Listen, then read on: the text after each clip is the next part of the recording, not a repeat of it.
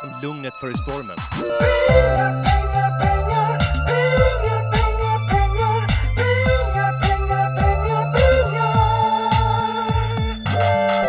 Välkomna till Sparpodden Live på kontaktdagarna i Uppsala Ekonomikum med dig, Jan Dinkelspiel och dig! Günther Mårder. Och du, Nej, men den där var vi igenom förra gången. Ja, samma. ja. Eh, nu är det, är det roligt att vara på plats under ett par, en arbetsmarknadsdag och få prata med eh, studenter och göra en livesändning tillsammans med studenterna här vid Uppsala. Känns riktigt kul. Att få prata med du, Günther Mårder. Men du. Eh, Men vi ska inte göra det här ensamma. För att vi ska kunna interagera här live så har vi med oss två stycken, ska man säga, toppgarnityret i kårvärlden, eh, eller i ekonomvärlden i, i Uppsala. Eh, Sofia och Fia, eller kanske Björklöv och Hedman som de väljer att eh, kalla sig i, idag. Ska vi låta dem få presentera sig? Vilka är ni? Nej men hej, eh, Fia heter jag eh, och det har alltid varit en litet bråk om vem som är den riktiga Fia. Eh, det är skönt att det är jag som är Fia och så har vi Sofia här. Eh, men jag sitter som ordförande för föreningen Uppsala Ekonomerna och det är superkul att det är så många studenter här. Jag vet inte om ni förklarar det men det är alltså, jag vet inte, kanske 150 studenter i den här salen eh, och det är jättekul att det är så många här och nu tänker jag att projektledaren för kontaktdagarna ska få förklara vem hon är.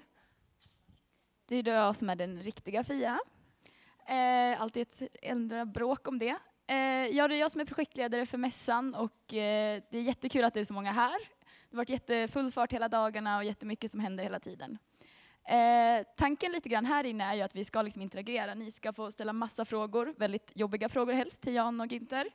Eh, och eh, då kan ni använda er av antingen bloggen, så då går ni in på Nordnet-bloggen på Sparpodden och eh, då finns det ett inlägg som heter biljetter till Sparpodden live i Uppsala. Där kan ni kommentera jättemycket, så skicka in massa frågor där. Sen har vi ju ett till sätt, va, Björklöv? Ja. Eh, ni kan också skicka frågor via Twitter och då har vi eh, hashtag Sparpodden och hashtag sparad krona. Och jag ser faktiskt att det redan kommit in frågor så det är jättekul. Eh, men fortsätt vara aktiva under hela sändningen och ni behöver inte eh, hålla er till ämnet. Eh, högt och lågt, eh, så allting är välkommet. Bra! Och skulle man då kunna säga att, eh, ja, nu vet jag inte om man ska säga den riktiga Fia, men på ett sätt så är den ena chef över den andra. Är man chef för Uppsala Ekonomerna, då blir man chef för den som är ansvarig för kontaktdagarna också. Eller? Det stämmer helt okej. Ja, så att vi vet rangordningen här.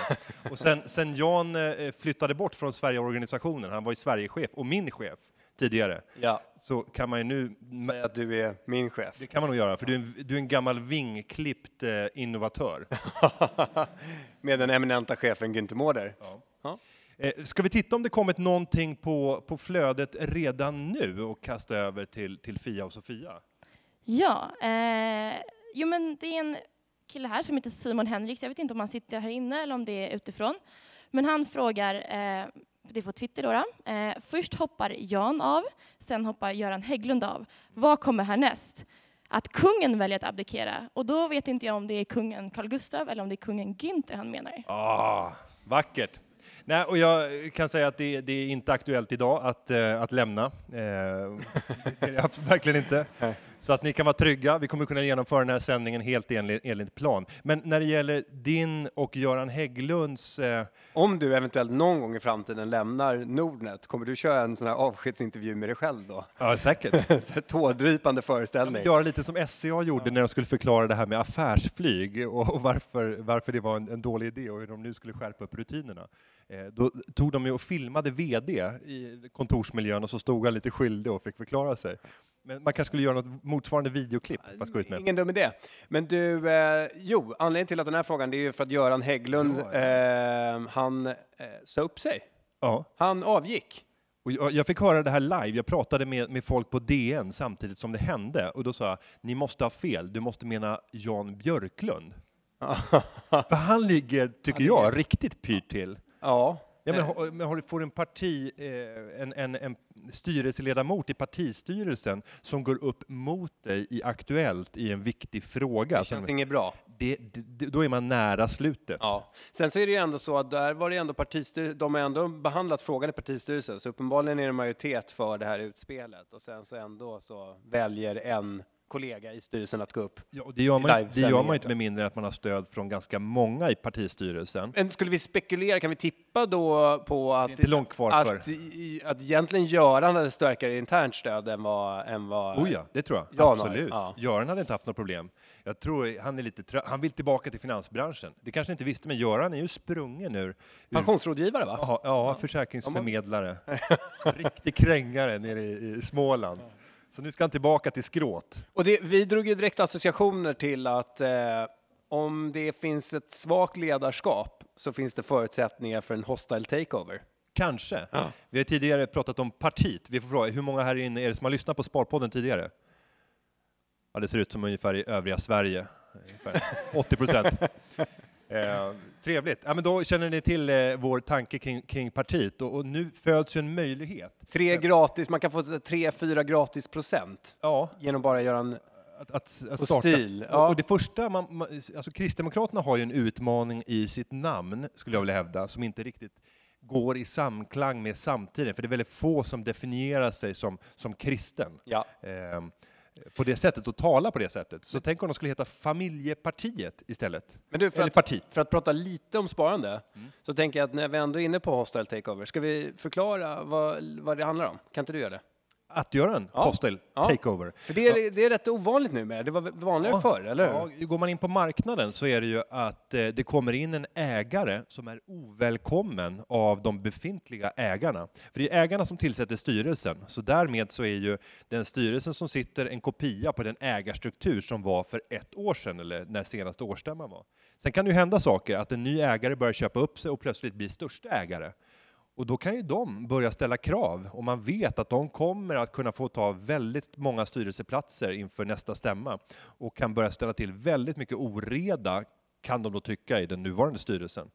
Eh, och det här var ju väldigt vanligt när man körde styckningscase, när man ville få fart på ett bolag och kanske stycka upp det i delar för att delarna skulle vara mer värda än helheten. Mm. Och då gick det in sådana här aktivister, köpte upp sig och hotade med att vi kommer ta över i styrelsen om ni inte vidtar de här åtgärderna. Och sen Exakt. om man går, löper linan ut så är det ju att, att köpa upp bolaget. Att passera de här gränserna för, för budplikt, 30 procent första. Och, Det senaste exemplet jag kommer på i Sverige, det var ju när ett gäng handlare köpte in sig ganska stort i ett bolag som heter Diamyd. mm. Diamyd var ett, eh, eller är va? Ett, Eller var framförallt kan man säga, var ett forskningsbolag som hade ett spännande läkemedel i sin portfölj och sen så fallerade allt, ingenting gick bra med själva forskningsprojektet, men det fanns ändå en kassa i bolaget, alltså pengar kvar i bolaget. Men när hela den här pärlan eh, som alla såg fram emot, när det, hela det projektet fallerade, ja då tänkte marknaden att nu måste vi värdera ner det här bolaget radikalt, värdera ner det kanske en 80-90 procent. Så att det värderades så långt som att det var bättre att sluta, säga upp alla, eh, sluta med verksamheten och dela ut pengarna till aktieägarna. Så internt fanns det ju då en väldig massa människor som var forskare och säkerligen ville forska vidare. Ville ha sin lön för att betala bolånen kanske. Eh, typ så. Och externt så fanns det massa aktieägare som kände att här är ju bolaget värderat under sin egen kassa. Låt oss ge oss in, köpa upp bolaget och eh, montera ner det.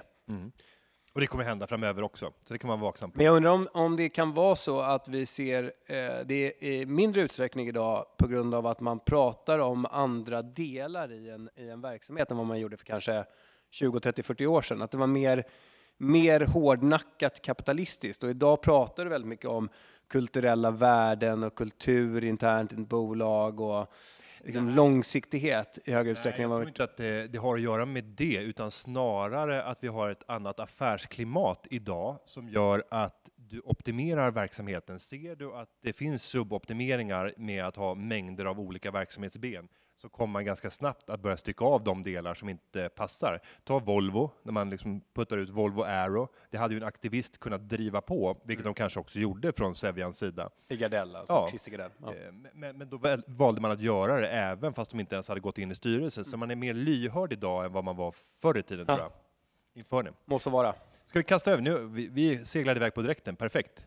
Fia och Sofia, är det någonting mer vi, vi bör behandla omedelbart?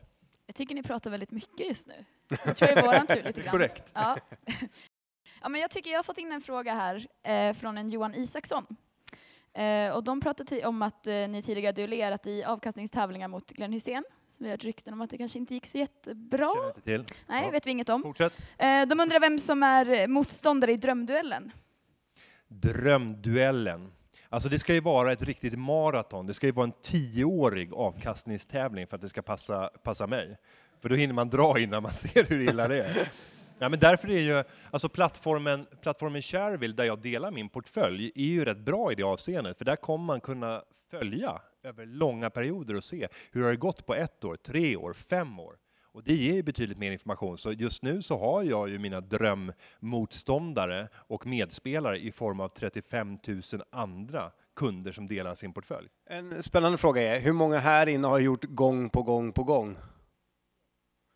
Där har vi, hur många, jag ser tre händer där, eh, fyra, ser du ytterligare någonting? Där? Det är Ja. 120 000 back för spelbolagen, bara i den här salen. Och, och det finns alltså potential med ytterligare några miljoner, Ja, här inne bara. bara här inne. Ja. Ja. Och för er som inte har, eh, vet- vad, vad gång på gång är, så är det ett sätt där man kan få ut riskfritt mellan 20 och 30 000 kronor på mindre än två veckor med en ganska minimal arbetsinsats, men lite matematiska färdigheter. Då går man till det avsnittet som vi släppte eh, precis innan Almedalen, tror jag, så någon gång i juni. Så Ja, finns det och du har väl ett blogginlägg på temat också? Har du inte Ja, det? det mest lästa från fjolåret. Günthers riskfria betting. Mm. Mm. Bra tips. Nej, jag är ju hatad. Jag är ju hatad av spelbolagen. Men det är Det är sånt fortfarande, som skapar men trovärdighet. det är fortfarande spelbolag som kommer tillbaka som inte har förstått att jag är jag. Ja. Eh, och kommer med nya erbjudanden. Bara, hur dumma kan de vara? Ska spela bort ännu mer pengar vill, alltså, de vill återaktivera dig som, Ja, ja. En, som en gammal bra spelare. Behandla mig som Så, en så vanlig det är egentligen en uppmaning till alla börsnoterade spelbolag att ta, ta bort Günther Mårder ur er CRM-databas. Ja. Om ni inte vill gå ut och vinstvarna snart. Mm. Eh, men nu är vi på, ett, på arbetsmarknadsdagar, vi är på kontaktdagarna. Nästa vecka så ska vi till handelsdagarna den, den 6 februari. Så vi kommer vara ute en hel del på arbetsmarknadsdagar och då slås man ju över att det är ju rätt typiskt när man är på arbetsmarknadsdagar, alltså både de företagsrepresentanter som man möter och de studenter som man möter. Och jag antar att du gör lite reflektioner. Du har varit ute mycket i sådana här sammanhang genom, genom åren. Hyggligt i alla fall. Ja. Eh, om, om du skulle måla upp till att börja med företagsrepresentanterna och, och några typpersoner. Men jag, du, du, vi, vi pratade bilder? ju om det här när jag satt i bilen på vägen hit och eh, det, det direkt kommer de här revisionsbolagen upp. Mhm. Det är den absolut första associationen. Och vad är det de säger? Hungriga tigrar står de här. Deloitte, KPMG, PwC, EY. ja, EY, Ernst Och Young. GT nu också. Ja, de tar, men det är de fyra, Ja. de, the big four man pratar om va? Eh, och de är här, ser jag framför mig, och sen så efter det så började jag ändå titta på den här topp 10 mest populära för, eh, arbetsgivarna hos ekonomerna. För det är väl de här IKEA, och Google har dykt upp där också. Google har dykt upp. Och sen är det klassiska Goldman Sachs, McKinsey, de där va? Ja, Inte det tror de? Ja, exakt. Eh, men framförallt Varför sitter, revisions... vi, varför sitter vi och gissar? Vi har ju experterna bredvid oss. Ja, Fia och. Sofia, vad säger ni? Vilka är de populära arbetsgivarna? Nej ja, men vänta, det är intressant. Det tycker jag är intressant. Vilka är de populära arbetsgivarna och vilka är vilka de mest är frekventa? Vilka är ni mest Vilka- uppvaktade av? Och vilka är det som är här? Ja, Och, och, själv, och självklart så behöver ni inte nämna att Nordnet är ett då, utan eh, börja från nummer två. Då börjar vi på nummer två. Men jag tror H&M är ganska populärt, känns det som. De, eh, ja, de får det de vill, liksom, känns det som också. Är de här idag? Ja, de är här idag. Mm. Så de är här, så de är väldigt populära. Eh, vad har vi mer, Björklöv? Har du någon, något tips? Nej, men vi har mycket små konsultbolag som är här idag. Eh, Rely var här igår, CFI Group var här idag. Eh, Seb är här idag. Mycket småbolag kommer mer och mer för varje år. Eh, men vad har vi mer? Eh, vi har ju 68 företag på två dagar, så det är jättemycket, en stor bredd också. Scania till exempel är här. Eh, men även mycket mm, också föreningar, men inte så mycket företag eh, bland föreningarna. Ja, men det där är intressant. Och när man lyssnar på företagsrepresentanter så är det ju alltid någon form av drömtillvaro som målas upp. Eh, det är balans i livet. Hos oss är det viktigt att du får tid både för familjen och att göra ett gott arbete. Eh, ärligt talat, Jan. Ska vi vara ärliga? Ska vi riva ner fasaden?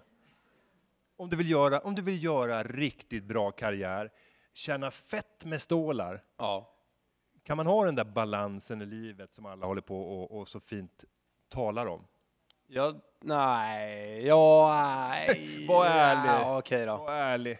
Nej, men man- jag tror inte man kan, man kan inte gå in eh, på arbetsmarknaden och tro att jag eh, jobbar mellan 9 och 16.30 och sen checkar jag ut och sen funderar jag inte mer på jobbet. Däremot så, så hoppas jag och tror att vi ser en skillnad idag, om man jämför med idag och 10 år sedan eller 20 år sedan, att arbetsgivarna har en helt annan flexibilitet idag än vad de hade då tidigare. Så att, nej, du får aldrig, för att jag tror att ska du, ska du vara framgångsrik oberoende av vad du gör så måste, så måste ditt arbete i viss utsträckning, eller i hög utsträckning, vara din hobby.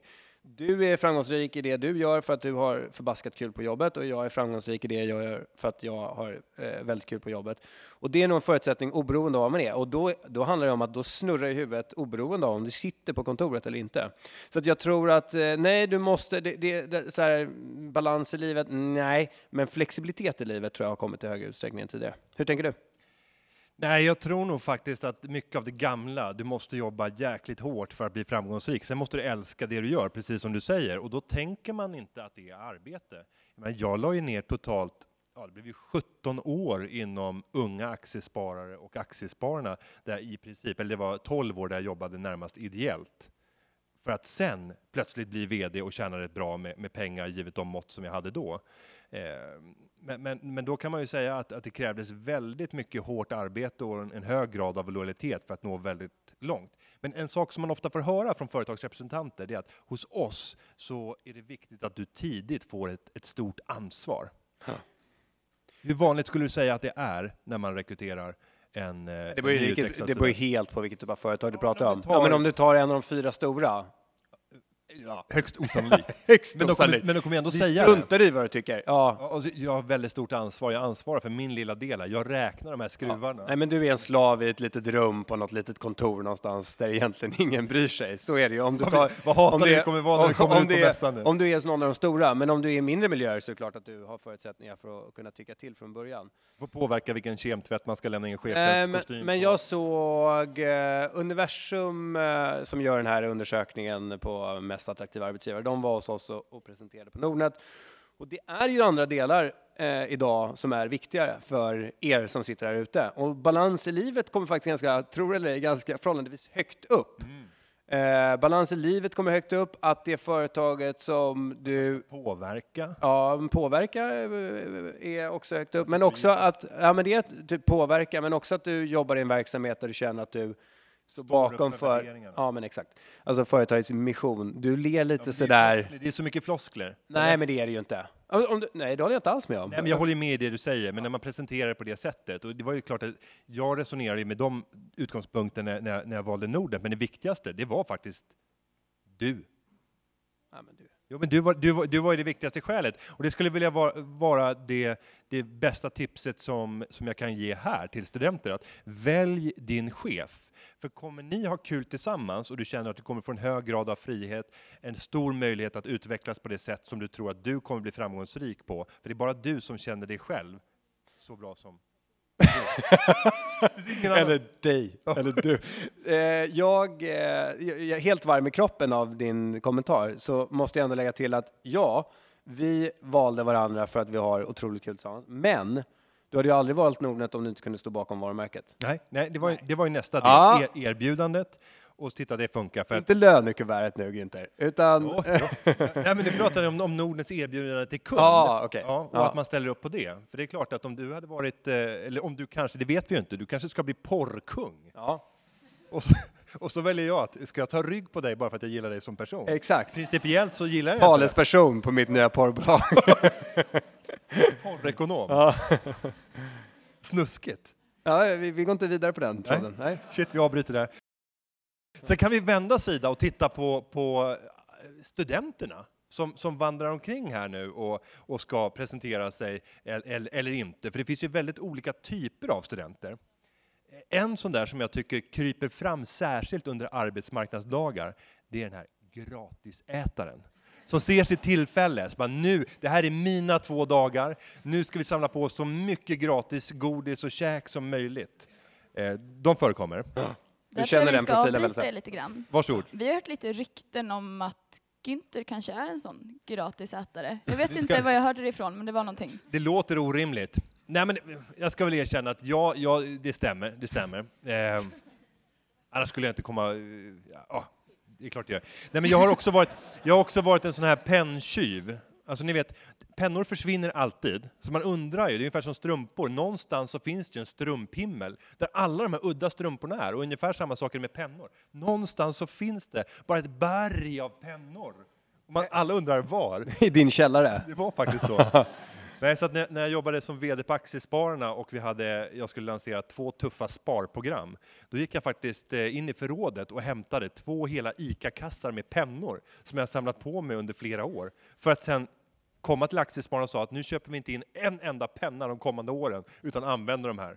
eh, Funkade det, signal, funkade det signalvärdet? Jag vet inte, det var en, en eh, vaktmästare som tog hand om det där och jag tror att han var också pennsamlare, så han var nog jättelycklig och bara byggde upp sitt lag. För det är ju det, så fort du korsar en sån här samlare, då är det ju kört. Då kommer ju all mängd, Men tror du eh, att man kan, eh, får man jobb på arbetsmarknadsdagar? Etablerar du det nätverk? Jag, jag, eh, Nej, jag tror snarare att det handlar om att lära känna företag. Sen Ja. har du ju kontaktsamtalen som absolut kan leda till, till jobb, men det är ju rätt få som faktiskt får den möjligheten att gå så långt. hur många här inne har fått någon typ av eh, jobb, sommarjobb på grund av en arbetsmarknadsdag? En, två. Ja, det, det här är inte bra reklam för jag hör, jag hör hur det smusslas här.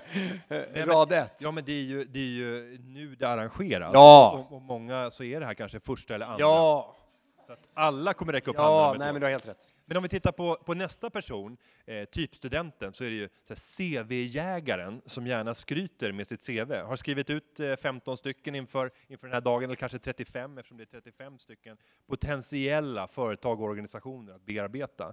Och går runt med ett stort leende, har klätt upp sig dagen till ära och bara förresten, du kanske, du kanske vill ha mitt CV också?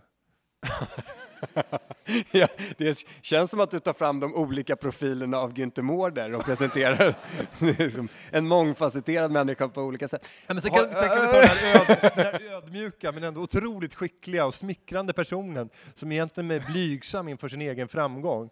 Och så, Eh, Jag fattar skämtet. Ja. Ja. Eh, men andra typer av- personer. Sen är det de- här som är, är väldigt introverta och du har ju velat göra gällande att du är, är väldigt känslostyrd människa och lite introvert. Ja.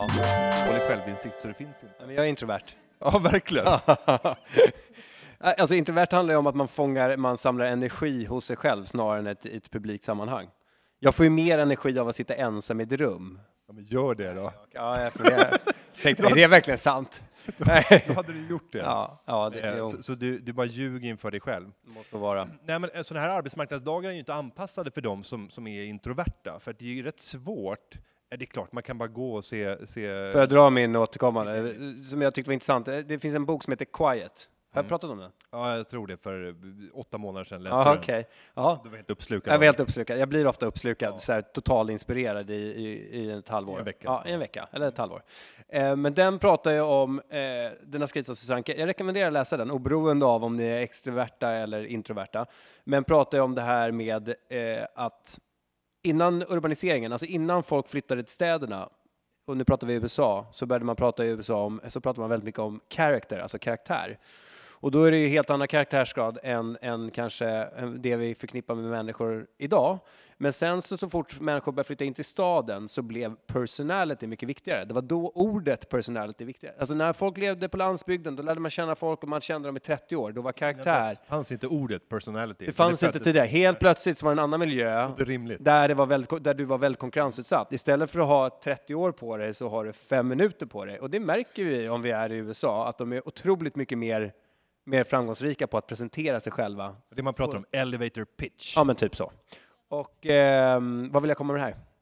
Ingen aning. Du Jo bara men, att, iväg. jo men att det är intressant då att, liksom, att karaktärsdrag har blivit underordnat någonstans personality för att vi lever i en konkurrensutsatt miljö och på en sån här arbetsmarknadsdag, ja, men då är det kanske väsentligt mycket viktigare att ha en, en tydlig personlighet än, än distinkta karaktärsdrag.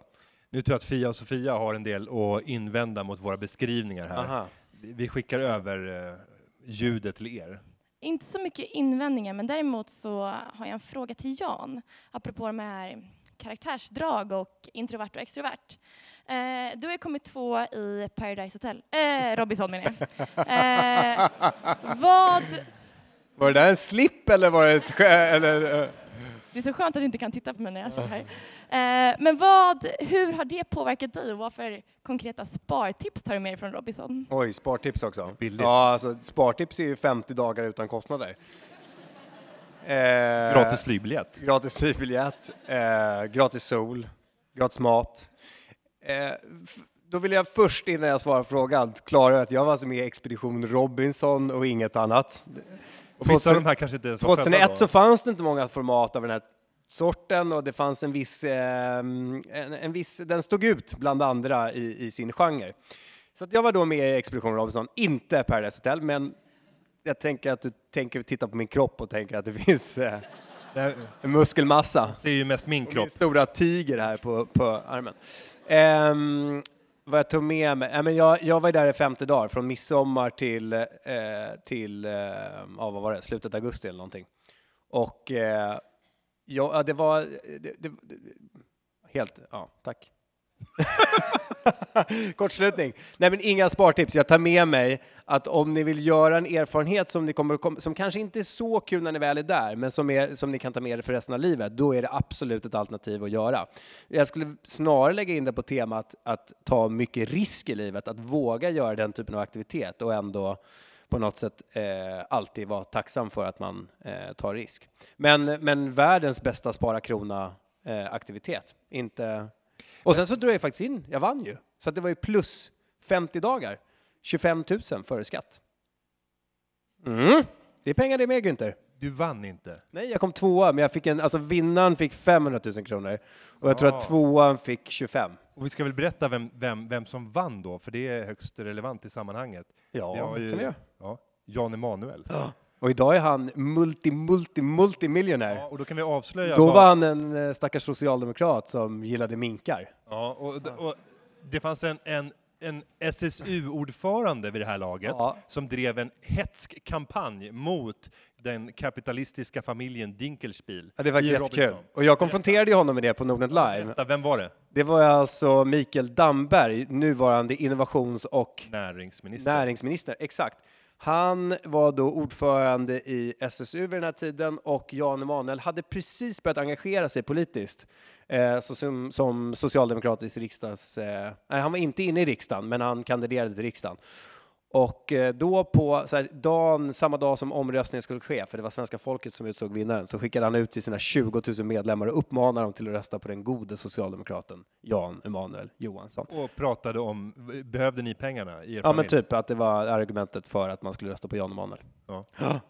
Låter det bittert? Ja, men Ja. vi konfronterade, eller Jan fick konfrontera honom på Nordnet Live Vi förra skrattade året. glatt åt det tillsammans. Så fick Jan göra bakom scenen-intervjuer och den, eh, ja, nej, det var roligt. Och vi kan väl också passa på att puffa, för er som vill gå på Nordnet Live, det är 4300 anmälda hittills, eh, så är det 10 februari om man anmäler sig på nordnet.se nordnetlive. Vet du vad som är lite, som jag har jag som gnager i mitt bakhuvud hela tiden när vi pratar? Det är att eh, jag har en kompis som är på mig varenda gång vi pratar för lite sparande.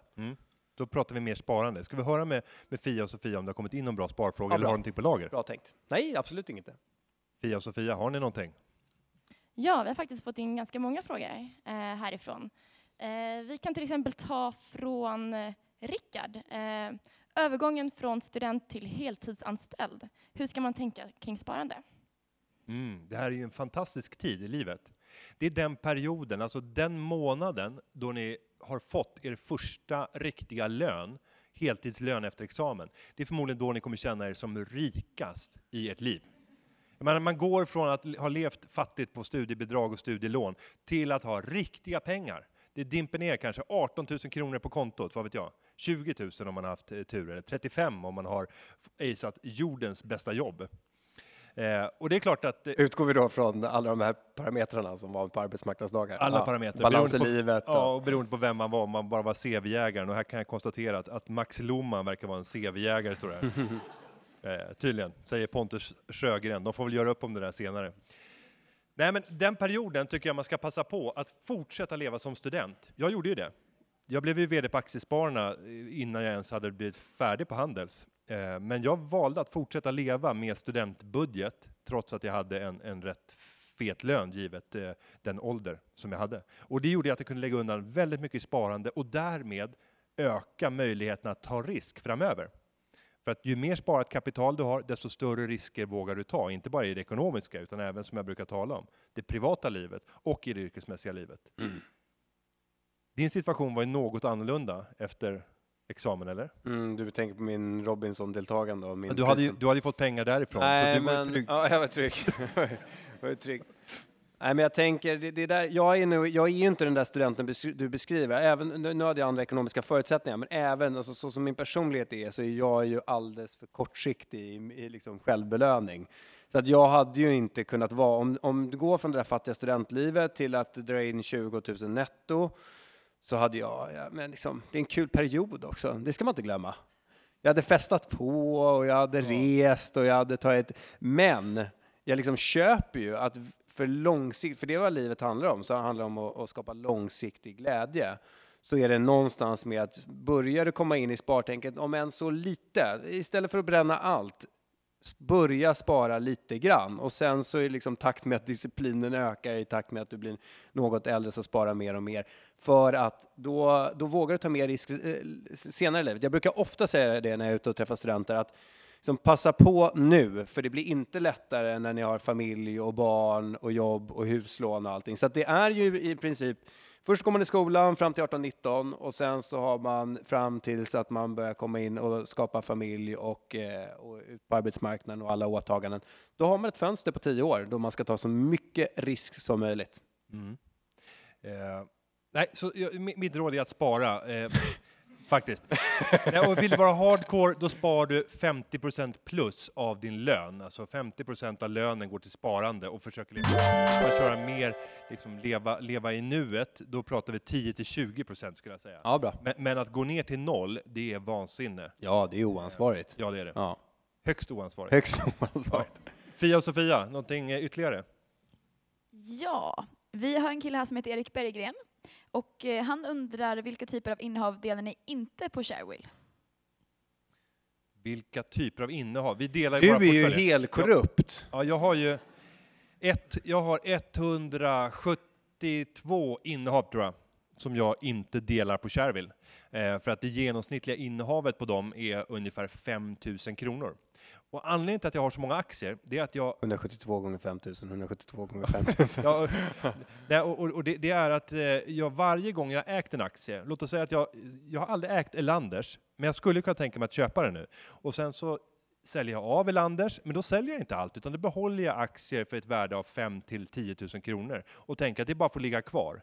Som en form av påminnelse eh, av att långsiktighet är bra. Och i den här portföljen så har jag bland annat Elekta, jag har Meda, jag har Getinge, eh, jag har eh, Betsson, alltså flera av de här aktierna Varför sålde du för? Ja, det, var, det är det jag blir påmind om varje gång jag loggar in och ser de här värdena och ser över 1000 procent i avkastning. Och sen är det då på en ursprunglig post som då kanske var en tusenlapp eller 2000 för summan har vuxit med åren. Bara fråga, innan du går vidare. Ja. Eh, brukar du jämföra den här portföljutvecklingen med index? Eh, Ja, det, Det måste ju vara rätt kul. det ser jag ju. För, det är ju, för du har väl ändå gjort de här aktieaffärerna någon gång för att du trodde att de var undervärderade, eller hur? Ja, men det kan ha varit kortsiktigt. Det kan ha varit ta- tal om en månad eller tre Måste månader. vara, men jag undrar ändå om du har, liksom, har dina kollektiva stockpicks historiskt Mm. slagit index? Nej, det skulle jag inte säga när jag tittar på portföljen. Är det autofill som förstör allting? Eh, ja, men den ingick ju inte i den samlingsportföljen. Okej. men, men, det, men det finns andra, Ja. typ så här Push Development var ett sånt bolag. Det var också med om ytterligare en konkurs. Autofill är inte den enda. Nej. Och det sved också en del. Men inte alls lika Vad, mycket. vänta, vad gjorde de? Det var ett investmentbolag som bland annat hade investerat i Bag Lady, smyckestillverkaren i Finland. Bag Lady? Någon? Nej.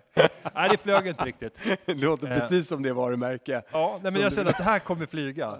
Den, de, här, de, här grabbarna, de här grabbarna, de har koll på Det vad är de så här gör. hemlös kvinna, är inte det? Så bag lady. Ja. ja. Jag vet inte vad de tänkte på, men, men eh, vi gjorde, jag, jag var med om några resor där, men sen så bara kollapsade allting. Okej, men åter till vad du har på Shareville då.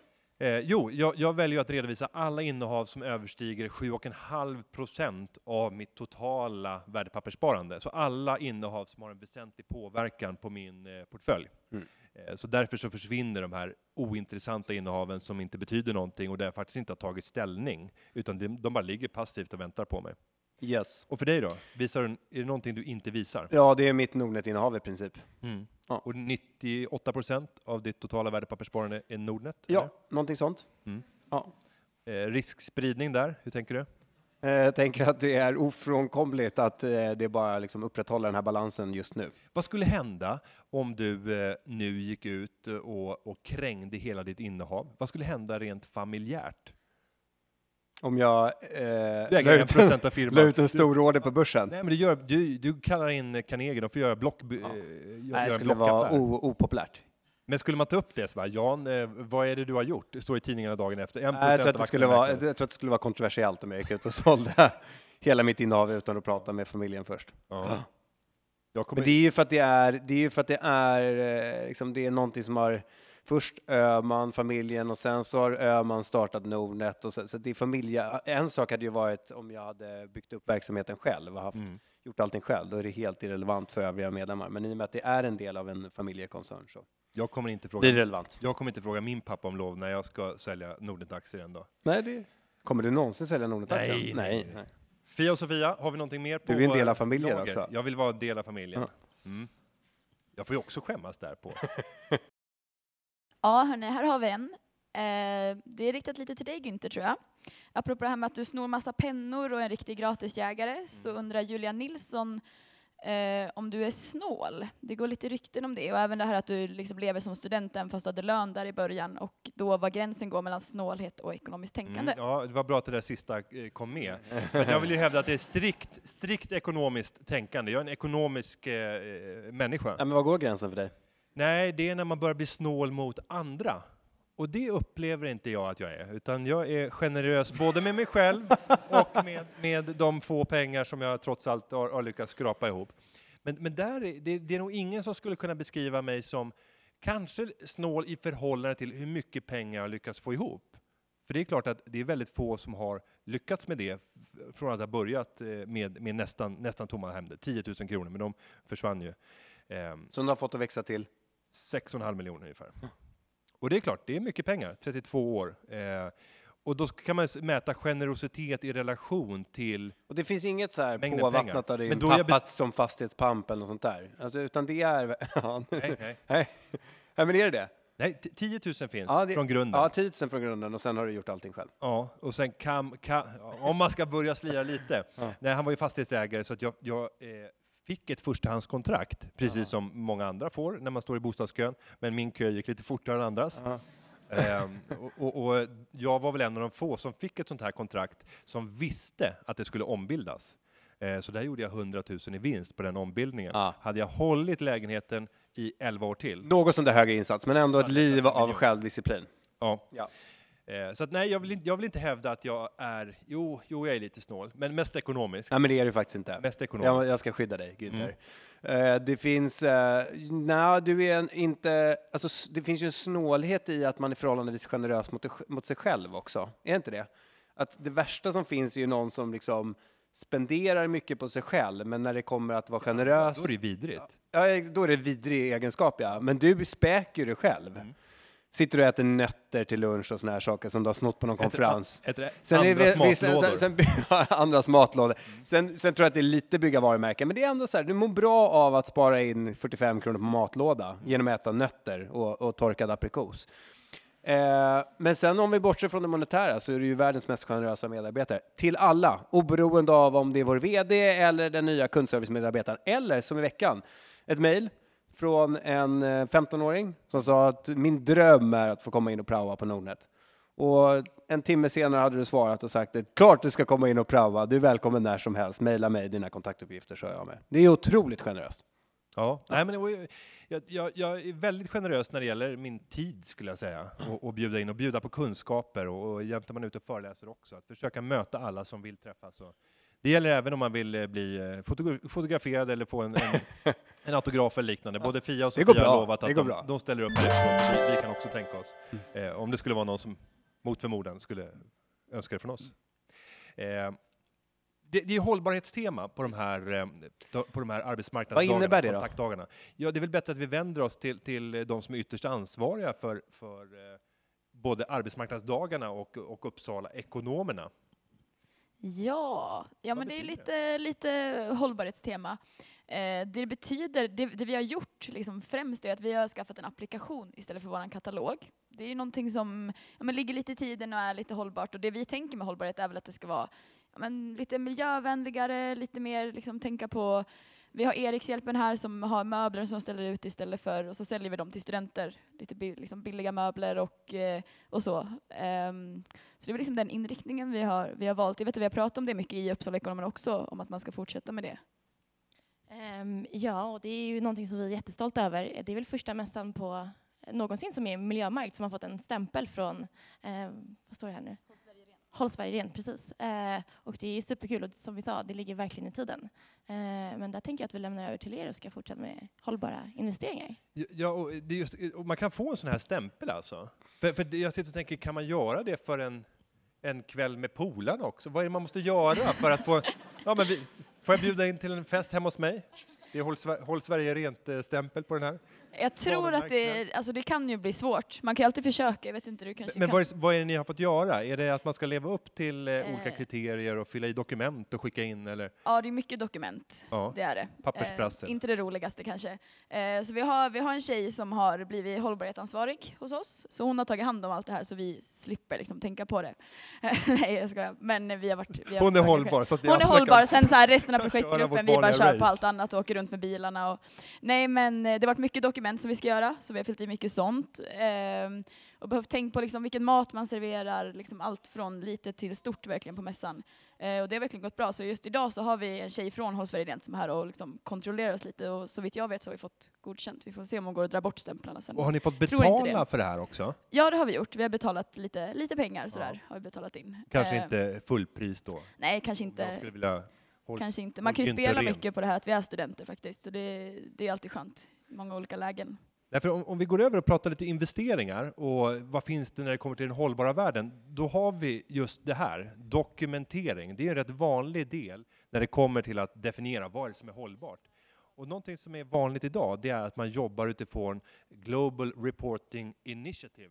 Vilket är egentligen en dokumentation för hur man ska redovisa sitt hållbarhetsarbete. Och det är många som kräver att företag ska leva upp till de här kraven som ställs enligt GRI-rapportering.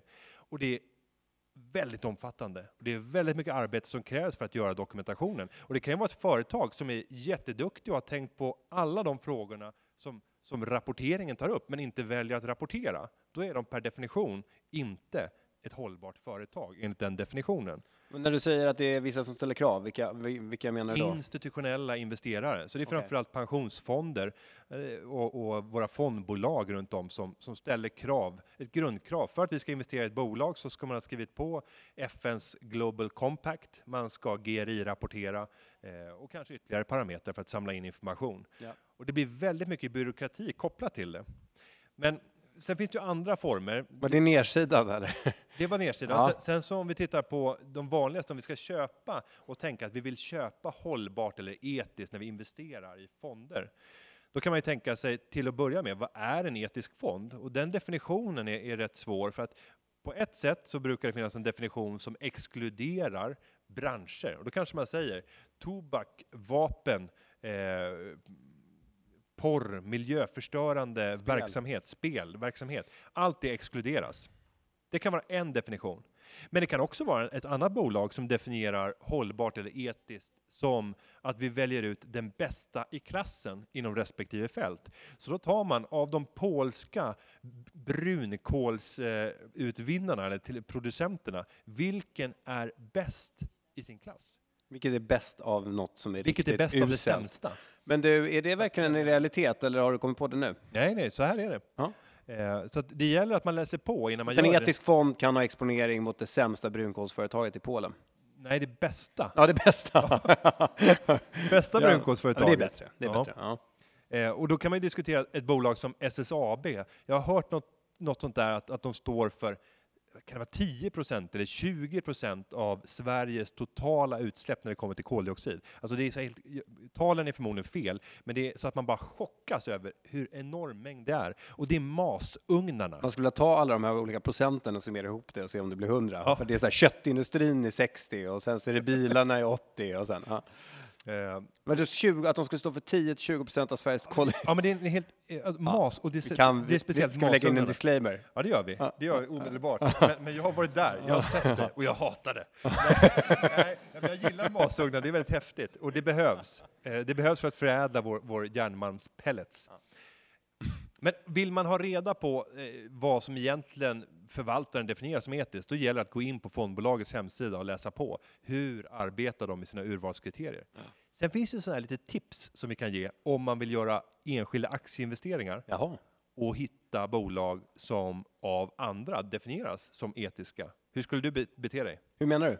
Ja, men om du vill bygga en aktieportfölj, du har inte speciellt mycket tid eller kunskaper att själv kunna granska bolaget och säga, lever de här upp till Global Compact eller till GRI? Är det här den här finansinspektionslistan som du hänvisar till då och då? Ja, hur gör man? Ja, man kan gå in på Finansinspektionen och där kan man gå in och titta på varenda enskild fond och se alla deras innehav. Ah. Och det här kan ju vara ett tips till er som ska på intervju också på ett eh, finansbolag där, det är, där ni ska vara analytiker eller var, jobba som juniorförvaltare.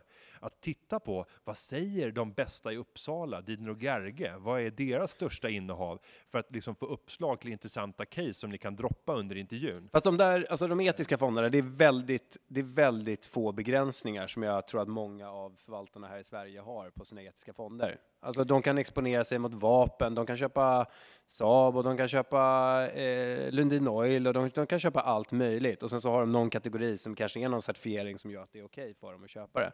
Så att om jag verkligen skulle vilja ha exponering mot eh, liksom, de som, som på riktigt eh, tänker att nu ska vi hitta någon alternativ produkt just med hållbara investeringar. Då skulle jag googla engelska och skulle jag söka på ETFer.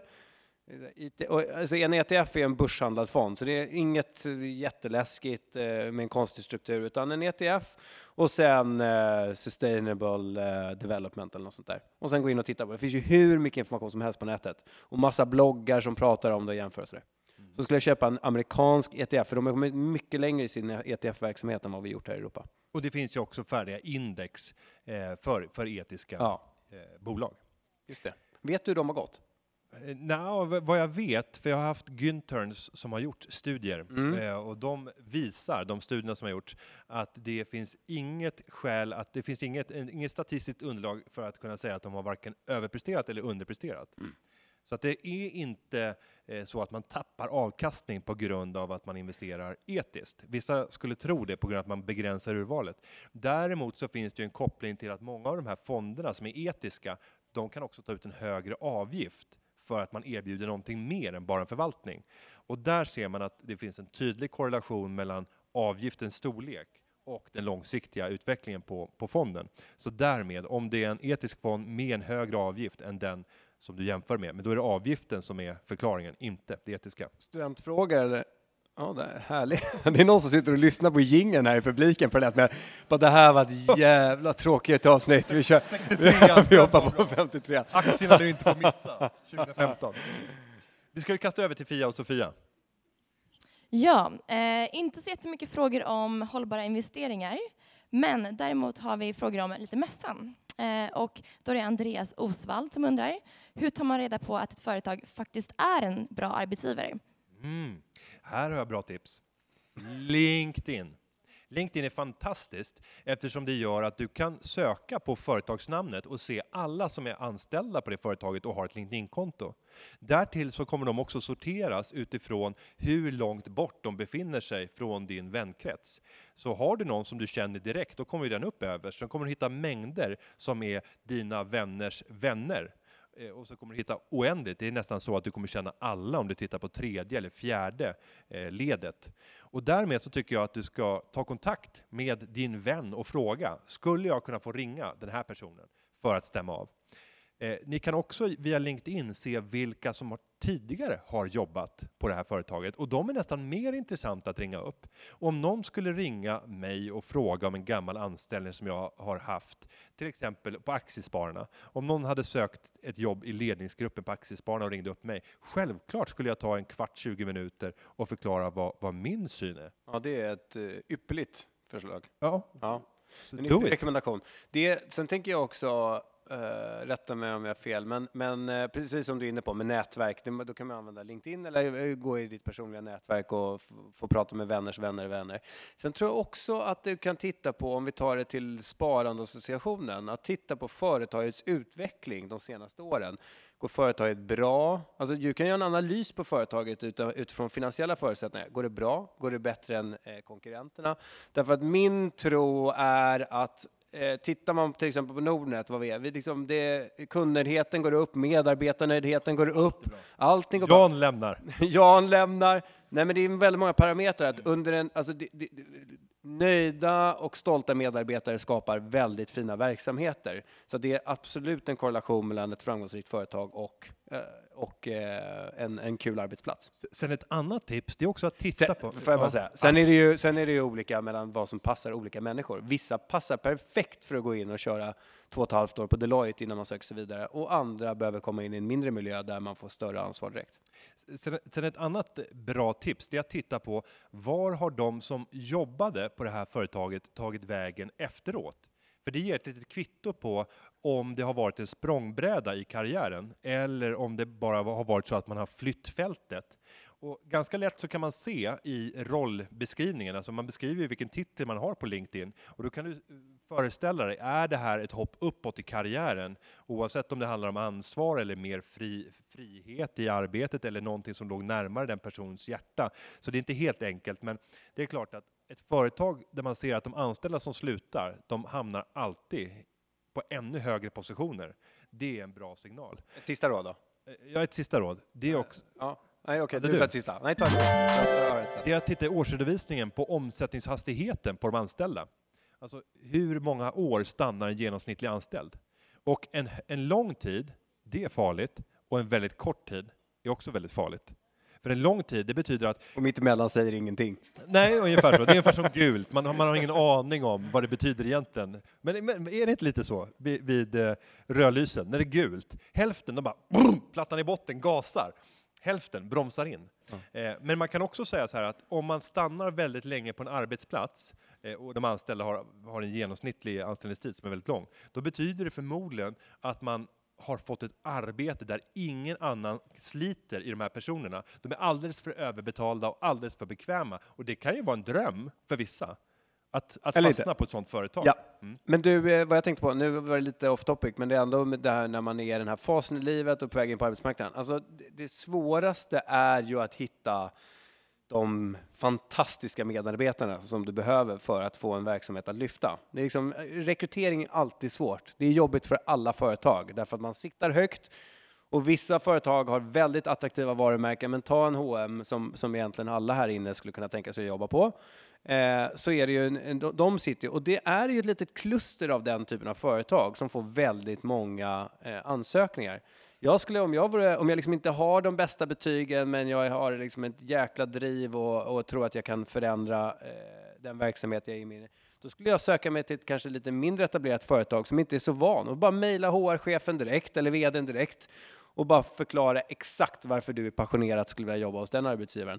Därför det trillar in. Alltså, under mina sex, sju år på Nordnet nu så kanske jag har fått ett sånt typ av mejl tio gånger.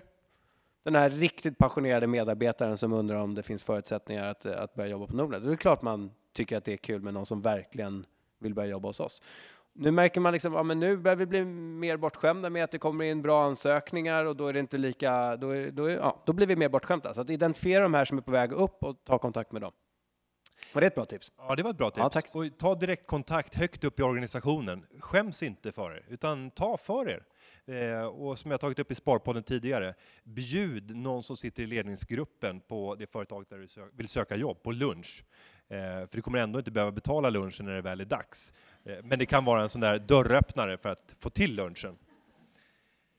Sofia och Fia, har vi någonting vi ska börja runda av? Har ni någonting annat vi, vi bör behandla innan vi eh, trycker på stoppknappen? Ja, men det tycker jag. Vi vet ju att du inte har pluggat på Handels, till och med varit ordförande för Sasse, har vi hört. Mm. Och Jan på SU och vi i Uppsala. Och vi har en tjej som heter Hanna Arvidsson som har en liten fråga. Eh, hon undrar hur mycket skiljer man sig egentligen åt på marknaden sen om man har pluggat på Handels, SU, Uppsala? Har ni liksom någon uppfattning om det? Alldeles för mycket i min uppfattning. Mm. Det är nog min uppfattning också. Eh, jag har faktiskt pluggat här på Uppsala också. Jag började här och eh, var med i två dagar under eh, nollningen. Det var jätteroligt. jag, kommer, jag kommer bli så slagen efteråt. Eh, nej, men jag, skulle vilja säga att det är, det är obefogat mycket fördelar som man får med, med eh, Handelshögskolans eh, stämpel. Det, det blir, och, och kan du kombinera det med eh, toppskolor ute i världen, där du har varit och, och kört en, en utbytestermin eller liknande, eh, då blir det ett otroligt slagkraftigt kvitto. Där är fortfarande de amerikanska Ivy League-skolorna som slår högst. Har du den kombinationen eh, så får man oförtjänt eh, mycket draghjälp. Sen är det kontakterna. Det viktigaste det tycker jag att man engagerar sig i eh, ekonomföreningen eller i liksom projekt inom ekonomföreningen för att bygga kontakter. För det är de kontakterna sen som kommer vara ens vänner när man fortsätter ut i livet. Och det är vännerna som man går till först. Och det behöver inte nödvändigtvis vara nära vänner, utan att man känner till varandra, man vet varandras kapacitet. Det är de första man börjar tänka på när man kommer sen i anställande positioner. Vill du ge något hopp till församlingen också? Eh, ja, nej, men ett, ett, ett ho- hopp där är att, att alla ekonomutbildningar skulle jag vilja hävda om vi pratar om, om Uppsala, Göteborg, Lund, Linköping, Göteborg, Umeå, jag har säkert glömt någon. Eh, men om vi tittar på de gamla klassiska, det som kallas U9, det, det vet ni vad det är, inte våra lyssnare, men de nio universiteten, men det är inte universitet, utan även Jönköping med. Vad vill du? Jo, det är att utbildningarna på de här skolorna är väldigt snarlik. Alltså när det kommer till kunskaper så är det väldigt liten skillnad mellan de här personerna. Och jag vet, för jag har suttit med väldigt många Günterns från olika skolor. Eh, och jag märker att det har inte, det finns inte någon uppenbart tydlig koppling mellan, mellan eh, liksom kunskapsnivå och vilken skola du kommer ifrån. Men eh, det är de andra aspekterna. Så att gå ut och hävda er, gå ut och bevisa. Eh, det handlar egentligen om att eh, våga visa framfötterna och vara lite Ja. tuffare, jobba lite hårdare. Och, Och lite som du säger, att, att är det då, om vi tittar på ekonomutbildningar, är det handel så är det den som ligger först. Och sen så har du Uppsala och Lund, jag vet inte hur Linköping står sig idag, men det finns en, en liksom kategori två. Eh, och där handlar det ju då om, okej, men om du då ligger i kategori två, vad kan du då göra på ditt CV för att positionera upp dig till kategori ett? Om, om du gör en sommaraktivitet eller någonting annat i ditt liv, så är det väsentligt mycket mer relevant för vissa eh, som, som rekryterar än det faktum att du har gått på handel. Så att då måste du pimpa till ditt CV lite med någonting annat däremellan. då, då kan man göra som, som jag gjorde och skaffade mig en köptermin eh, på Harvard. Eh, att ha Harvard University på sitt CV, det sticker ju ut i, i Sverige. Eh, och det går att köpa sig till. Jag menar, du, du kan köpa dig in på de här kurserna eh, så att du får åka över och plugga. Eh, och det Och så kom- du en sån här fyra veckor, sex veckors kurs eller någonting sånt. Nej, nu, nu var det tio veckor, Ja. men, men ändå. Men det räcker för att det ska sticka ut och folk fastnar med blicken och tänker Oj, hur var det här möjligt? Jo, det var för att jag hade eget företag och hade pengar i företaget och ville kompetensutveckla personalen. Det var ju bara jag som var personal. Så jag tänkte, vi satsar, vi går all in. Så jag brände två års hela resultat på att åka iväg till, till Harvard. Eh, tips, tips. Eh, med, med det, ska vi släppa in eh, Fia och Sofia och se om det finns någon, någon, något avrundande ord? Vill ni sammanfatta de här, eh, de här dagarna eller den här sändningen på något sätt? Eh, nej men jag tycker den här sändningen avslutar de här dagarna ganska bra. Det har varit jättetrevligt, lärorikt, kul. Eh, pratat med många människor och om mycket olika saker. Eh, och jag tror att, och jag hoppas att många studenter har fått klarhet i sina frågor som man har till potentiella arbetsgivare eller branscher. Eh, men även, inte så jättemycket om hållbara investeringar för det har inte varit så mycket frågor, men ni har varit väldigt duktiga på att prata om det. Eh, och Fia, du kanske vill avsluta med någonting? Nej, men jag håller helt med och det har varit kul att få grilla er lite också. Det känns som att vi fick till några bra frågor där i alla fall. Så ja, jag hoppas att alla är nöjda och glada. Vi har ju lite fler frågor här men ni får ju spana in på Twitter och bloggen sen så får ni gå igenom dem.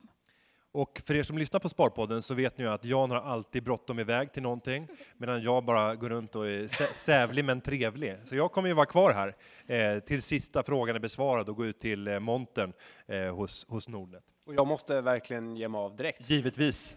Du har ju så mycket viktiga saker nu när du har sagt upp dig. Exakt. Med det så tycker jag att vi ber eh, vår, eh, vår eh, eminente Fredrik Karlsson Hedin att ge oss gingen.